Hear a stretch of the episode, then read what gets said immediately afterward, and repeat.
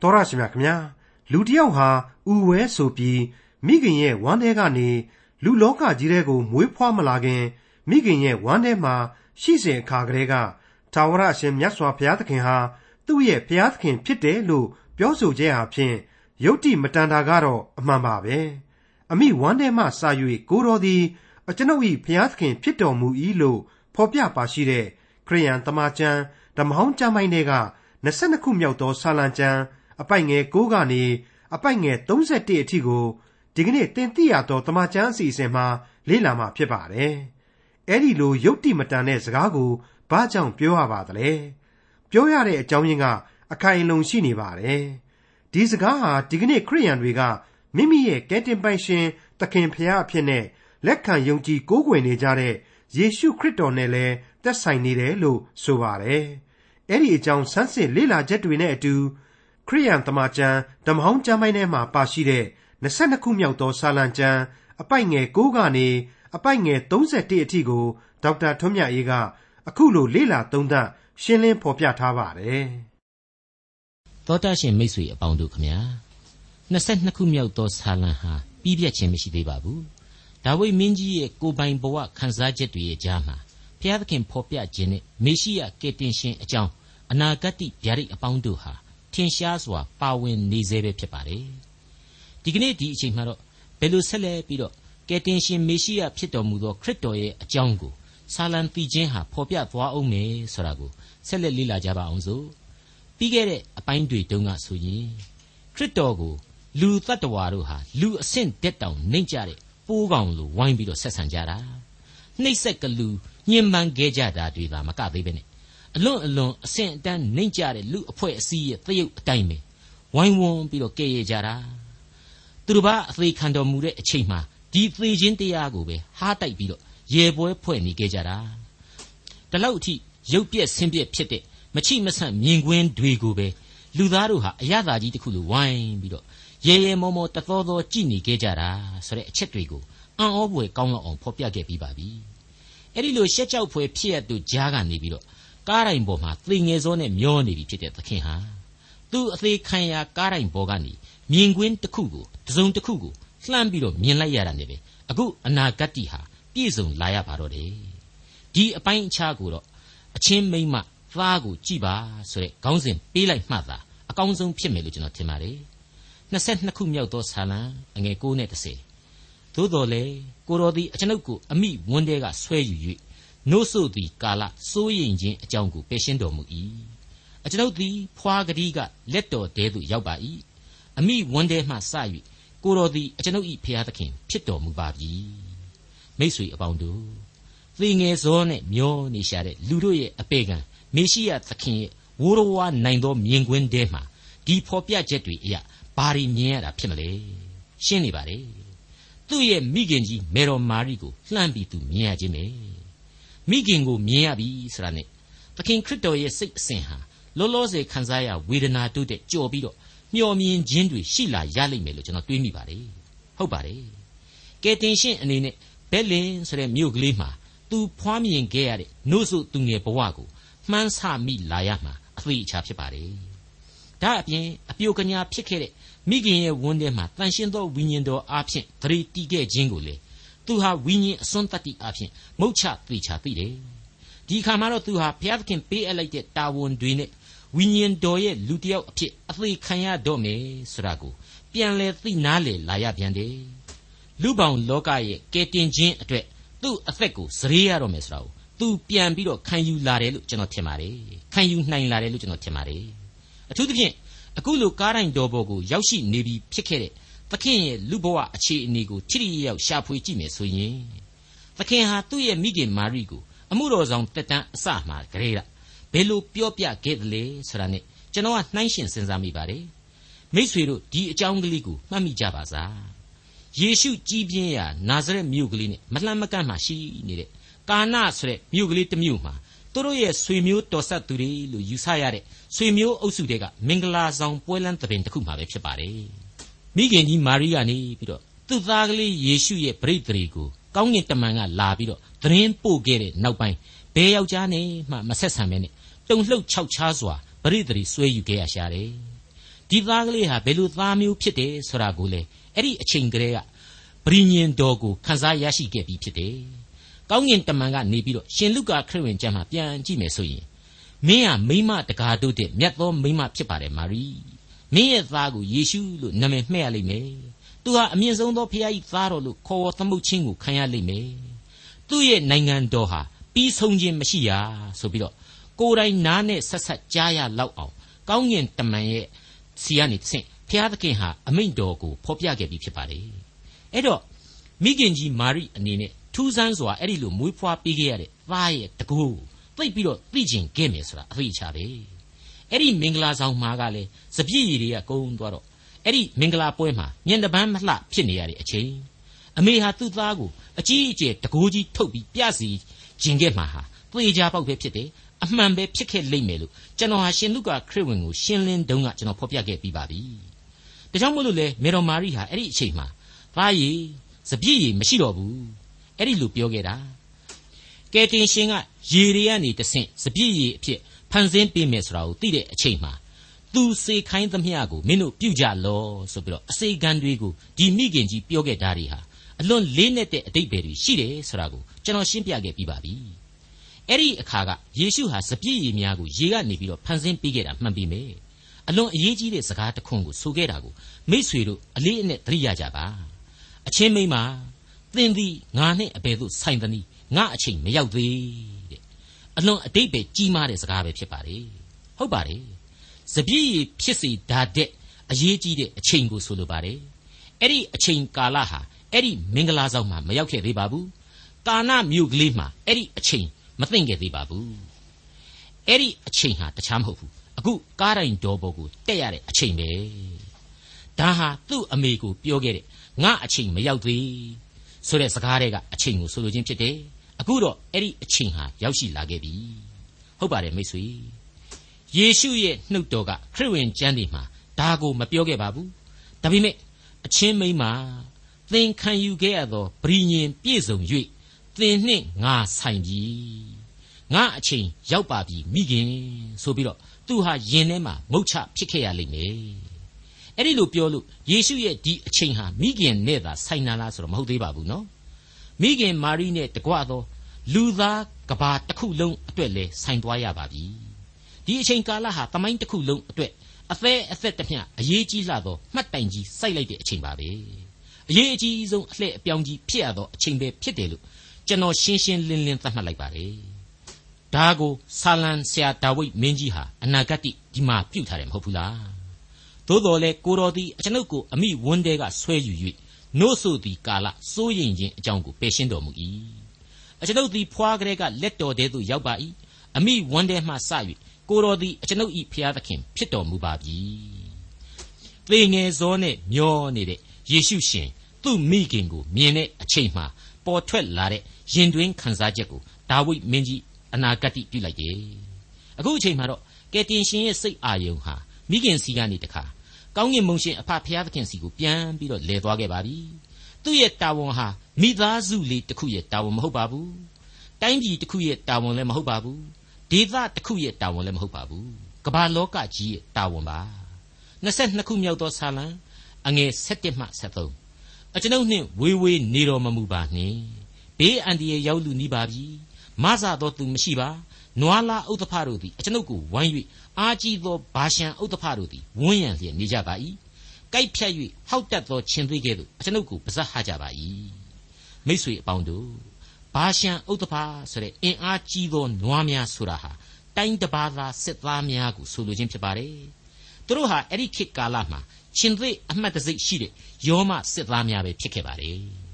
22ခုမြောက်သောဆာလံအငယ်14အကျွန်ုပ်သည်ရေကဲ့သို့သွန်ခြင်းကိုခံရ၍ အယိုးအဆစ်ရှိသမျှတို့သည်ပြုတ်ကြပါ၏အကျွန်ုပ်နှလုံးသည်ဖျောင်းကဲ့သို့ဖြစ်၍ရင်ထဲမှာအရေကြိုလျက်ရှိပါ၏မိษွေတော်တတ်ရှင်အပေါင်းတို့ခမညာ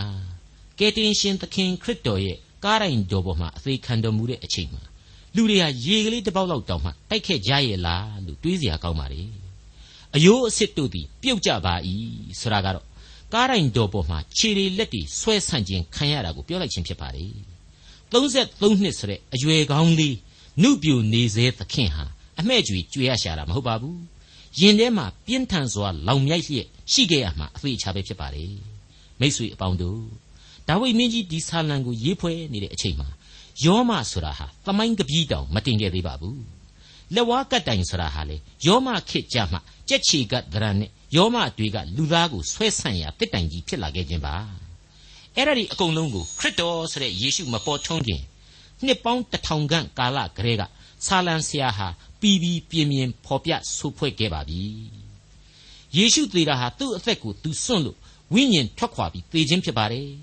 အသက်တော်ကိုစွန့်တော်မူ၏လို့ဆိုထားတဲ့အချက်ကြောင့်ကယ်တင်ရှင်ဟာသူ့အသက်ကိုသူစွန့်တာပါအဲ့ဒီအချိန်မှာသူ့ရဲ့ယင်ထဲမှာအရေးကြိုထားပြီးတကယ်လို့ခံစားခဲ့ရတာလေအသေးအချာဖြစ်ပါတယ်ရှင်ယောဟန်ကဒီအကြောင်းကိုသူ့ရဲ့ခရစ်ဝင်မှာသက်သေခံလိုက်ပါတယ် ရှင်ယောဟန်ခရစ်ဝင်ကျမ်းအခန်းကြီး19အငယ်34စစ်သူရဲ့တယောက်သည်နဘေးတော်ကိုလှန်နှင့်ထိုးဖောက်၍သွေးနှင့်ရေသည်ချက်ချင်းထွက်လာ၏လို့တွေ့ရခြင်းဖြစ်ပါတယ်ဒါဟာနှလုံးသားသည်ဖျောင်းကဲ့သို့ဖြစ်၍အရေးကြိုလျက်ကြေကွဲလျက်အသက်ဆွံ့ရခြင်းရဲ့သက်သေပါပဲအခုဆက်လက်ပြီးတော့ငါရေငတ်တယ်ဆိုတဲ့ကယ်တင်ရှင်ရဲ့ဖြစ်ရဘုံတွေကိုဆာလံဆရာဟာဆက်လက်ဟောကိန်းထုတ်ပြီးတော့ဗျာဒိတ်ပြုလိုက်ပြန်ပါတယ်22ခုမြောက်သောဆာလံအငယ်15 ကျွန်ုပ်ခွန်အားသည်အိုးချမ်းကဲ့သို့ခန်းချောက်၍ရှာလဲပါယိုး၌ကပ်လျက်ရှိပါ၏အကျွန်ုပ်ကိုသေမြေတိုင်အောင်ချတော်မူပြီအလွန်အလွန်ရေငတ်လွန်းတဲ့အတွက်ကြောင့်ရှာဟာခြောက်ပြီးတော့ပါဇက်မဟနိုင်တလောက်ပဲဖြစ်နေပြီစေးပိုင်ပိုင်ဖြစ်နေပြီဆိုတာတွေးဆနိုင်ပါလေ22ခုမြောက်သောဆာလံအငယ်16ခွေးတို့သည်အကျွန်ုပ်ကိုဝိုင်းလျက်စုဝေးသောလူဆိုးတို့သည်ဝန်းရံလျက်နေ၍အကျွန်ုပ်ဤလက်ချီတို့ကိုထိုးဖောက်ကြပါပြီကဲ ဒီတဲ့ရှင်းတာတော့မရှိတော့ဘူးဒါဟာကယ်တင်ရှင်ရဲ့နောက်ဆုံးသောမြင်ကွင်းတဲကအတိုင်းပဲဖြစ်နေပြီပေါ့ခွေးတို့သည်ဝိုင်းနေတယ်ဆိုတာဟာနော်ယုံရင်ကြမ်းတမ်းတာမဟုတ်တဲ့အဲ့ဒီရှေးခေတ်သုံးဝေါ်ဟာတာတပားမျိုးသားဖြစ်တဲ့ယောမနဲ့အဲ့ဒီခေတ်ပဝန်းကျင်ကအာရဗ်လူမျိုးတွေဝိုင်းဝိုင်းလဲနေကြတယ်စောင့်ကြည့်နေကြတယ်ဆိုတာကိုဖော်ပြလိုက်တာပါပဲအငယ်၁၈ကိုအယိုးရှိသမျှတို့ကိုအကျွန်ုပ်ရေတွက်နိုင်ပါ၏သူတို့သည်အကျွန်ုပ်ကိုကြည်မြင်၍အားရလျက်နေကြပါ၏ ကျွန်တော်ကတော့ကယ်တင်ရှင်သခင်ခရစ်တော်ဟာအပိသာကိုတုံးလုံးအသက်ခံရတာလို့ကျွန်တော်တွေ့တယ်နိုင်ငံပိုင်းကလေးဆိုတာကခေအဆက်ဆက်ပကြီးဆရာတွေကမြင်လို့ကောင်းအောင်ဆိုပြီးတော့ထည့်ထားတာပါတညနဲ့တမနဲ့စုပ်ပြတ်နေအောင်ကယ်တင်ရှင်ဟာအနှိမ့်ဆက်ခံထားရတယ်အဝတ်အစားတွေအကုန်လုံးဆွဲချွတ်ပြီးတော့အဆက်တကွဲအကျိုးနဲ့ဖြစ်ပြီးတိုင်အောင်ပြုတ်လုပ်ပြီးတော့မှကားတိုင်းပေါ်ကိုတင်ရင်သတ်ပစ်ခြင်းပါပဲဒါဟာတကယ်ကိုလူကဲ့သို့မဟုတ်ပိုးကောင်ကဲ့သို့ဖြစ်ရတယ် ပိုးတုံးလုံးပမာရှိခဲ့တယ်ဆိုတဲ့အချက်ကိုထင်းနေအောင်အတီးဖြစ်စေပါတယ်အငယ်ဆက်ရှိအကျွန်ုပ်အဝတ်ကိုအချင်းချင်းဝေဖန်၍အကျွန်ုပ်အင်ကြီးကိုစည်ရည်တန်ချကြပါ၏ဘယ်သမိုင်းရှင်ကဒါကိုညှင်းနိုင်လို့တော့ရှင်မသက်ခရစ်ဝင်ကျမ်းအခန်းကြီး29အငယ်35မှာကိုတော်ကိုလက်ဝါးကတ်တိုင်မှာရိုက်ထားပြီးလျှင်အဝတ်တော်တို့ကိုစည်ရည်တန်ချ၍ဝေဖန်ကြ၏ဆိုပြီးတော့ရှင်းရှင်းကြီးဖော်ပြထားတယ်မဟုတ်ဘူးလားဒီအဝတ်အစားကိုဒီလိုခွဲဝေယူကြတာကိုက ဒီလူသားတွေရဲ့မသိစိတ်ထဲမှာဒီအဝတ်တော်ရဲ့တန်ဖိုးကိုတွက်ဆမိခဲ့ကြလိမ့်မယ်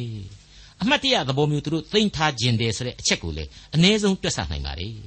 ဘာပဲပြောပြောကယ်တင်ရှင်ရဲ့အခုလိုကိုတုံးလုံးအသက်တော်စွန့်ရခြင်းဟာကျွန်တော်တို့ကိုဗလာကျင်းပြီးတော့အသက်မထွက်စေဖို့ပါပဲဟုတ်ပါတယ်ကျွန်တော်အပြစ်သားများရဲ့ရှက်ကြောက်ဖွယ်ဇာတိပဂိခန္ဓာများအသီးသီးအတွက်ဖြောင့်မတ်ခြင်းဝိယုံကိုဆင်မြန်းပေးစီဖို့ကယ်တင်ရှင်အသိခံခဲ့ခြင်းဖြစ်တယ် ဒါကိုကျွန်တော်တို့နားလည်ထားကြရလိမ့်မယ်အဲ့ဒီဖြောင့်မတ်ခြင်းဝိယုံအားဖြင့်လေကယ်တင်ရှင်ဂျေဇုတော်ကိုခံယူရတယ်အနန္တကာလဒီဟုသောသာဝရအသက်ကိုကျွန်တော်တို့ခံစားကြရပါတယ်ရှက်ကြောက်ဖွယ်အသက်ဆုံးခဲ့ရသောသခင်ကိုသာယုံကြည်လက်ခံကြပါလို့တင်ပြလိုက်ပါရစေအခုဆက်လက်ပြီးတော့22ခုမြောက်သောဆာလံရဲ့ဂန္ဓတစ်ခုကိုလေ့လာသွားပါတော့မယ်အဲ့ဒီအပိုင်းကိုတော့လက်တော်သို့အပ်ပါ၏ဆိုပြီးတော့ခေါင်းစဉ်ပေးပြီးတော့ကျွန်တော်တို့လေ့လာကြရမှာပါ 22ခုမြောက်သောဆာလံအငယ်16နဲ့20အိုးထာဝရဖျားအကျွန်ုပ်နှင့်ဝေးဝေးနေတော်မမူပါနှင့်အကျွန်ုပ်ဤခွန်အားဗလားအကျွန်ုပ်ကိုမဆခြင်းဟာအလျင်အမြန်ကြွလာတော်မူပါအကျွန်ုပ်အသက်ကိုဓာဘေးမှ၎င်းအကျွန်ုပ်အချစ်ဆုံးကိုခွေးလက်မှ၎င်းကယ်လွတ်တော်မူပါအကျွန်ုပ်အချစ်ဆုံးဆိုတာဟာအလွန်ထူးခြားတဲ့အသုံးအနှုန်းပါပဲအင်္ဂလိပ်ကျမ်းစာမှာ darling ဆိုပြီးတော့သုံးထားပါတယ်တူရီဆိုတဲ့အဓိပ္ပာယ်ပါပဲ ဒီအချက်ဟာခရစ်ဝင်ကျမ်းဒီကဖော်ပြတဲ့အတိုင်းဖျားသခင်ရဲ့တပါးရီတော်သားတော်ငါချစ်မြတ်နိုးရငါဤတပါးရီရှိသောသားတော်ခရစ်တော်ကိုဆိုလိုလိုက်ခြင်းပါပဲအောက်မှာသူ့ကိုတတ်ဖို့အတွက်ယောမတပ်သားတွေဝိုင်းဝိုင်းလေစောင့်နေကြတယ်သူဟာနှိပ်စက်ခြင်းခံထားရလို့အသက်တော်ကိုလည်းစွန့်ရတော့မယ်ဒါပေမဲ့အဲ့ဒီလိုအသက်တော်စွန့်ခြင်းဟာသူတို့ဘာလက်ကြောင့်မဟုတ်ဖ ೇನೆ ဖျားသခင်ကသာနှုတ်ယူတော်မူပါဆိုတဲ့လက်တော်တဲကိုအကျွင့်မဲ့အနှံခြင်းသဘောတရားပါပဲအငယ်21 ရှင်သေကတွင်မှအကျွန်ုပ်ကိုကယ်တင်၍ကြံ့ဥကြိုတဲမှအကျွန်ုပ်ခေါ်သောအသံကိုနားထောင်တော်မူပါကြံ့ဥကြိုဆိုတာဟာတခုတည်းသောဥကြိုဖြစ်ပါတယ်ကြံ့ဥကြိုတဲမှအကျွန်ုပ်ခေါ်သောအသံဆိုတာဟာကားရိုင်တော်ပေါ်မှကယ်တင်ရှင်ရဲ့ညီးတွားမြည်တမ်းခြင်းအသံကိုဆိုလိုခြင်းဖြစ်ပါတယ်ဒီကားရိုင်တော်ကိုတစ်တိုင်ဆိုပြီးတော့လည်းသုံးဆွဲတတ်ပါတယ်လက်ဝါးကတ်တိုင်ဟာကျွန်တော်တို့အခုအတိုင်မြင်ရတဲ့ကြက်ချီကတ်မှဟုတ်ပါလိမ့်စား ရှေးခေတ်ကာလတစ်ပင်တစ်ခုခုကိုဒီအတိုင်းခုတ်ဖြတ်လိုက်တာနဲ့လူတယောက်ကိုကိုယ့်ရုပ်ကာယတန်တစို့ထိုးပြီးထားနိုင်လောက်တဲ့ပင်စီနဲ့အကိုင်းအခက်များဖြစ်နေလေမလားလို့လည်းစဉ်းစားစရာရှိပါတယ်ဒီနေရာမှာဘ ഹു တုတအဖြစ်ထည့်သွင်းခြင်းတာကတော့ကားရိုင်တော်ကို Greek ဘာသာအဖြစ် Steros ရဲ့ Zulon ရဲ့နှမျိုးခေါ်ဝေါ်နိုင်တယ်ဆိုတဲ့အချက်ပါရှင်မာသက်ခရစ်ဝင်ကျမ်းအခန်းကြီး29အငယ်40မှာတွေ့ရတယ်ဘုရားသခင်ဤသားတော်မှန်လျင်လက်ဝါးကတ်တိုင်မှဆင်းလောဆိုတာရဲ့ ကောရိန္သုဩဝါဒစာပထမစာဆောင်အခန်းကြီး1အငယ်16မှာဖော်ပြထားတယ်ဆုံးရှုံးခြင်းသို့ရောက်သောသူတို့၌လက်ဝါးကတ်တိုင်တရားဆိုတာရဲ့အဲ့ဒီနှမျိုးတွေကလက်ဝါးကတ်တိုင်တော်များကို Greek Greek လို့ခေါ်တဲ့ဟေလသတို့က Steros လို့ခေါ်ပေါ်သုံးဆွဲပါတယ်တမန်တော်ဝတ္ထုအခန်းကြီး73အငယ်29မှာဖော်ပြထားတဲ့အလောင်းတော်ကိုတစ်တိုင်မှချ၍ဆိုတဲ့နေရာမှာကျတော့ဇူလွန်ဆိုပြီးတော့ပြောင်းလဲသုံးဆွဲထားတာကိုတွေ့ရပြန်ပါတယ် အဲ့ဒီလိုတစ်တိုင်ဆိုတဲ့ဝေါ်ဟာရကိုဓမ္မဟောင်းကျမ်းဒီမှာတွေ့ကြရပြီဖြစ်တယ်လို့ဗျာဒိတ်ကျမ်းအခန်းကြီး23ကျရင်လေတခါထပ်ပြီးတွေ့ကြအောင်မှာဖြစ်ပါတယ်အဲ့ဒီဗျာဒိတ်ကျမ်းကဖော်ပြရမှာကတော့တစ်တိုင်ဇူလွန်ဟာအသက်နဲ့ဆိုင်တဲ့ရှင်သန်စေသောတစ်တိုင်ဆိုပြီးတော့ဖြစ်သွားပါတယ်ဒါအံ့ဩပွေနဲ့နဲတယ်လို့ကျွန်တော်ခံယူပါတယ်ကယ်တင်ရှင်သခင်ခရစ်တော်ရဲ့အသေးခံတော်မူရာတစ်တိုင်ဟာပျောက်ပြက်ခြင်းဘယ်သောအခါမျှမရှိ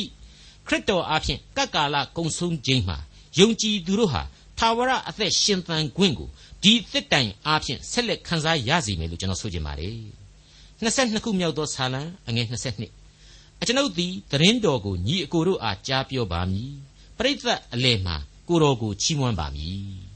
တချို့တချို့သောသူတည်တည်တွေဖော်ပြတယ်လို့ခရစ်တော်ဟာဒီ22ခုမြောက်သောဆာလံစကားတွေကိုကားတိုင်းတော်ပေါ်မှာပြောခဲ့တယ်ဆိုပြီးတော့ယူဆကြတာဟာအမှန်ပဲဖြစ်နိုင်ပါတယ်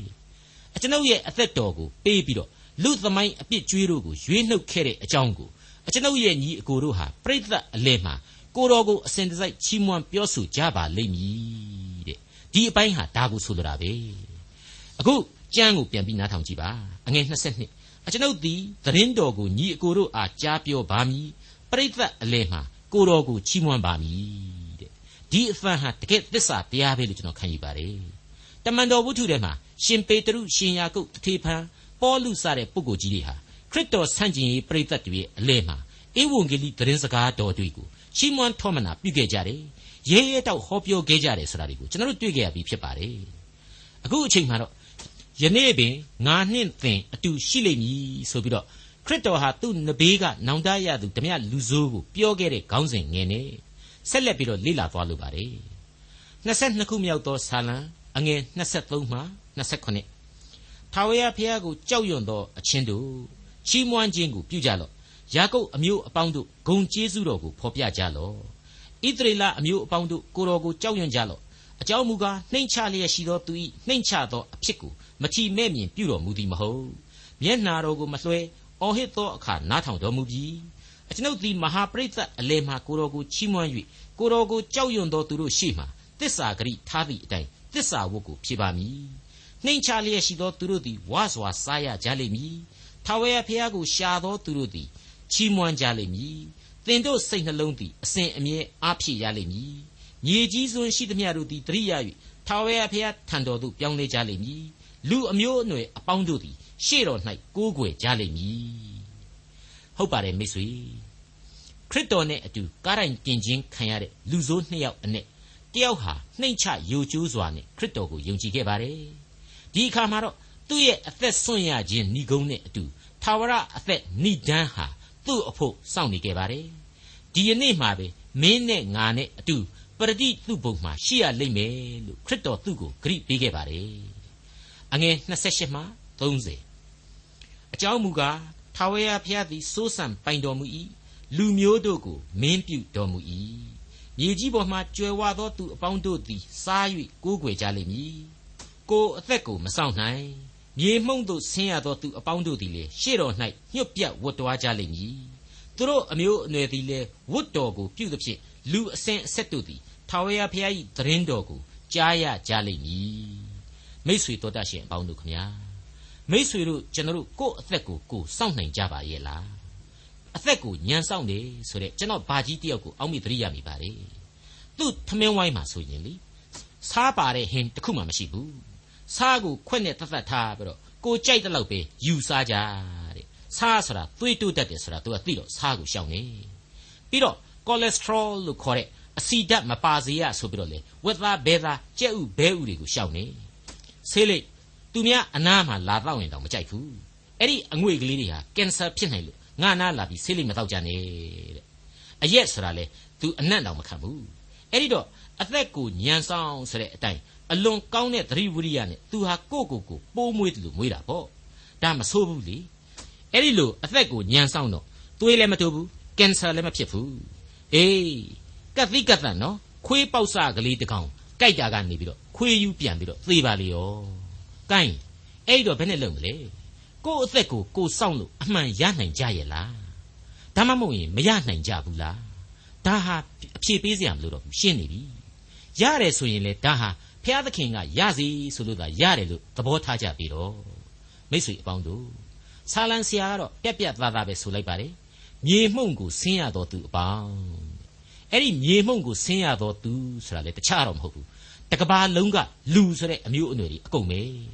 ရွေးကောက်ခြင်းခံရတဲ့ဣသရေလဆိုပြီးတော့လည်းမလွတ်ပါဘူးလူမျိုးတော်ဆိုပြီးတော့လည်းကွက်ပြီးတော့ရှောင်လို့မရဘူးပို့ပြီးဆိုးတယ်လို့တောင်မှဆိုလို့ရလိမ့်မယ်ထင်ပါတယ်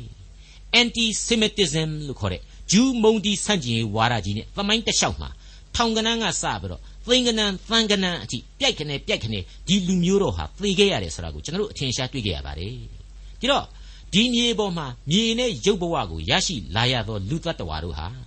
တနေ့နေ့တော့ရိုးပြမြေခကြွေကြရမှာကြီးဖြစ်တယ်ဆိုတာကိုသိစေပါတယ်ဒါပေမဲ့ဒီလူသားတွေဟာခရစ်တော်ရဲ့အသေးခံတော်မူခြင်း ရှင်ပြန်ထမြောက်တော်မူခြင်းကိုမျှော်ကြည့်ပြီးတော့ဆာလံဆရာအခုဖော်ပြတယ်လို့ရှေ့တော်မှာညှပ်ပြတ်ဝတ်တွားရကြပါလိမ့်မယ်ပြီးတော့မှအငယ်30မှာဒါဝိဒ်ကအခုလိုဖော်ပြပြန်ပါတယ်သူတို့အမျိုးအနွယ်သည်လေဝတ်တော်ကိုပြုသဖြင့်လူအစဉ်အဆက်တို့သည်ထာဝရဘုရား၏သတင်းတော်ကိုကြားရကြလိမ့်မည်တဲ့မိတ်ဆွေအပေါင်းတို့ခရစ်တော်ရဲ့နှုတ်တော်ကဗျာဒိတ်တော်ဟာဒါဝိဒ်ရဲ့သီချင်းမှာရောင်ပြန်ဟပ်လာတာပါပဲဒီကားတိုင်းပေါ်ကအသေးခံတော်မူခြင်းအပြင်လူသားတို့ဟာ အပြစ်တရားကနေယုံထွက်ပြီးတော့ကယ်တင်ခြင်းတရားကိုလက်ကင်ထားခွင့်ရသွားကြပြီဒါကြောင့်အချို့သောလူသားတို့ဟာသူ့အဖို့ဝတ်တော်ကိုပြုကြရမယ်လူအစဉ်အဆက်တို့ဟာလေဒီသတင်းတော်ကိုဒီသတင်းတော်ကိုအဆက်အဆက်ကြားနာကြရလိမ့်မယ်လက်ဆင့်ကံသွားကြရလိမ့်မယ်တဲ့ကျွန်တော်တော့ထင်ပါတယ်ဒီကမ္ဘာပေါ်မှာဧဝံဂေလိသတင်းစကားမကြားရအရက်ဆိုတာဒီကနေ့ဆိုရင်မရှိတဲ့လောက်ပဲဖြစ်ပါတယ်ဒါပေမဲ့ကြားနာရတိုင်းလက်သင့်ခံကြသလားဆိုရင်တော့လက်သင့်မခံနိုင်ကြပါဘူး အသိတရားမှာဘလောက်ပဲရှိရှိနှလုံးသားဟာစာရမဏတ်အဖြစ်အစဉ်တစိုက်ခိုင်မာနေတတ်စမြဲပဲမဟုတ်ဘူးလားတနည်းဆိုရရင်တော့အခုဆာလံတီချင်းကဖော်ပြလိုက်တယ်လို့လူအစဉ်အဆက်တို့သည်ထာဝရဘုရား၏ဧဝံဂေလိသတင်းတော်ကိုကြားရမည်ဆိုတာဟာအမှန်အစဉ်အဆက်ညင်းပယ်ခဲ့ကြတယ်ဆိုတာဟာလေအမှန်ပဲလို့ဆိုလိုက်ပါရစေအခုအချိန်မှာတော့22ခုမြောက်သောဆာလံရဲ့ဏိဂုံးကိုအဆုံးသတ်ဖော်ပြဖို့ရန်အတွက် အမှုပြီးပြီဆိုတဲ့ကားတိုင်းတော်ပေါ်ကခရစ်တော်ရဲ့နောက်ဆုံးစကားသံကိုဂုံပြုရင်းနဲ့ဖော်ပြရတော့မှာဖြစ်ပါတယ်ဤသို့စီရင်တော်မူပြီဟုသူတို့သည်ပေါ်လာ၍တရားသောအမှုတော်ကိုဖွာသောလူမျိုးအားဖော်ပြရလိမ့်မည်အနာဂတ်မှန်ရှင်းလင်းပြတ်သားမနေဘူးလားဖွာသောလူမျိုးဆိုတာဟာအဲ့ဒီလိုခရစ်တော်ရဲ့ကယ်တင်ခြင်းတရားကိုကြားနာလာရတဲ့အဆက်ဆက်သောလူတဦးစီပါပဲမိษွေတို့ကျွန်တော်တို့ကနေဆက်လက်ပေါက်ဖွာသောအနာဂတ်လူသားတွေလေအကုန်လုံးပါဝင်ပါတယ် အပြစ်ကြွေးဗီဇနဲ့မရဏသေခြင်းကိုဥတီနေရသူအကုန်လုံးပါဝင်ပါတယ်အဲ့ဒီလိုလူသားတို့ရှိမှမြင်ရမှာကတော့ဘုရားသခင်စီရင်တော်မူသောတရားသောအမှုတော်အကြောင်းပဲဖြစ်ပါတယ်တခြားမဟုတ်ပါဘူးခရစ်တော်အားဖြင့်ကယ်တင်ခြင်းဆိုတဲ့ဝမ်းမြောက်ဖွယ်သောဧဝံဂေလိသတင်းစကားဖြစ်ပါတယ်မိတ်ဆွေအပေါင်းတို့အကျွန်ုပ်ဖေဟာအကျွန်ုပ်ဖေဟာအဘယ်ကြောင့်စွန့်ပစ်တော်မူသနည်းအကျွန်ုပ်ကိုမကယ်တင်ပဲအဘယ်ကြောင့်အော်ဟစ်သောစကားကိုနားမထောင်ပဲအဝေးမှနေတော်မူသနည်းဆိုတဲ့ ခရစ်တော်ရဲ့မြည်ကြွေးသံဟာတကယ်သစ္စာတရားစစ်စစ်ဖြစ်ပါတယ်လောကရဲ့အပြစ်ဝန်တုပ်များနဲ့လူသားရဲ့အမှန်တကယ်ခံစားရဝေဒနာပဲဖြစ်ပါလေအဲ့ဒီသက်စွန့်မေတ္တာအဖြစ်ကျွန်တော်တို့ဟာအပြစ်လောကသံတရားကနေလွတ်မြောက်ခြင်းအခွင့်ကိုရခဲ့ပါတယ်ကျွန်တော်တို့ဒီအခွင့်အရေးကိုယုံကြည်ခြင်းအဖြစ်လက်ခံရယူနိုင်ပါတယ်အကယ်၍ကြောခိုင်းညင်းပယ်ကြမယ်ဆိုရင်တော့စွန့်ပစ်တော်မူခြင်းဆိုတဲ့အဖြစ်ဆိုးကြီးဟာကိုယ်တိုင်ခံစားရဝေဒနာပဲဖြစ်လာမည်အကြောင်း 22ခုမြောက်သောဆာလံဟာပြင်းထန်စွာသတိပေးလိုက်ပါတယ်မိษွေအပေါင်းတို့မမေ့နိုင်လောက်သော22ခုမြောက်သောဆာလံရဲ့အလွန်ကောင်းမွန်တဲ့ဏိဂုံးပိုင်းကလေးကိုပြန်ဖတ်ပြရင်းနဲ့ဒီကနေ့အစီအစဉ်ကိုဏိဂုံးချုပ်ပြစီနှိမ်ချလျက်ရှိသောသူတို့သည်ဝါစွာစားရကြလိမ့်မည်ထာဝရဘုရားကိုရှာသောသူတို့သည်ချီးမွမ်းကြလိမ့်မည်သင်တို့စိတ်နှလုံးသည်အစဉ်အမြဲအားဖြည့်ရလိမ့်မည် မြေကြီးစွန်းရှိသမျှတို့သည်တရိယာ၍ထာဝရဘုရားထံတော်သို့ပြောင်းလဲကြလိမ့်မည်လူအမျိုးအနွယ်အပေါင်းတို့သည်ရှေ့တော်၌ကိုးကွယ်ကြလိမ့်မည်အကြောင်းမူကားထာဝရဘုရားသည်စိုးစံပိုင်တော်မူ၏လူမျိုးတို့ကိုမင်းပြုတော်မူ၏မြေကြီးပေါ်မှကျွယ်ဝသောသူအပေါင်းတို့သည်စား၍ကိုးကွယ်ကြလိမ့်မည်ကိုအသက်ကိုမဆောင်နိုင်မြေမှုန့်သို့ဆင်းရသောသူအပေါင်းတို့သည်လေရှေ့တော်၌ညှို့ပြတ်ဝတ်သွားကြလိမ့်မည်သူတို့အမျိုးအနွယ်သည်လည်းဝတ်တော်ကိုပြုသဖြင့် လူအစဉ်အဆက်တို့သည်ထာဝရဘုရား၏သတင်းတော်ကိုကြားရကြလိမ့်မည်ဤသို့စီရင်တော်မူပြီဟုသူတို့သည်ပေါ်လာ၍တရားသောအမှုတော်ကိုဖွာသောလူမျိုးအားဖော်ပြရကြလိမ့်မည်ဒေါက်တာထွန်းမြတ်ရေးစီစဉ်တင်ဆက်တဲ့တင်ပြရသောတမချန်းအစီအစဉ်ဖြစ်ပါတယ်နောက်တစ်ချိန်အစီအစဉ်မှာခရိယန်တမချန်းဓမ္မဟောင်းကျမ်းပိုင်းတွေက23ခုမြောက်သောစာလံကျမ်းကိုလေ့လာမှဖြစ်တဲ့အတွက်စောင့်မျှော်နားဆင်နိုင်ပါတယ်။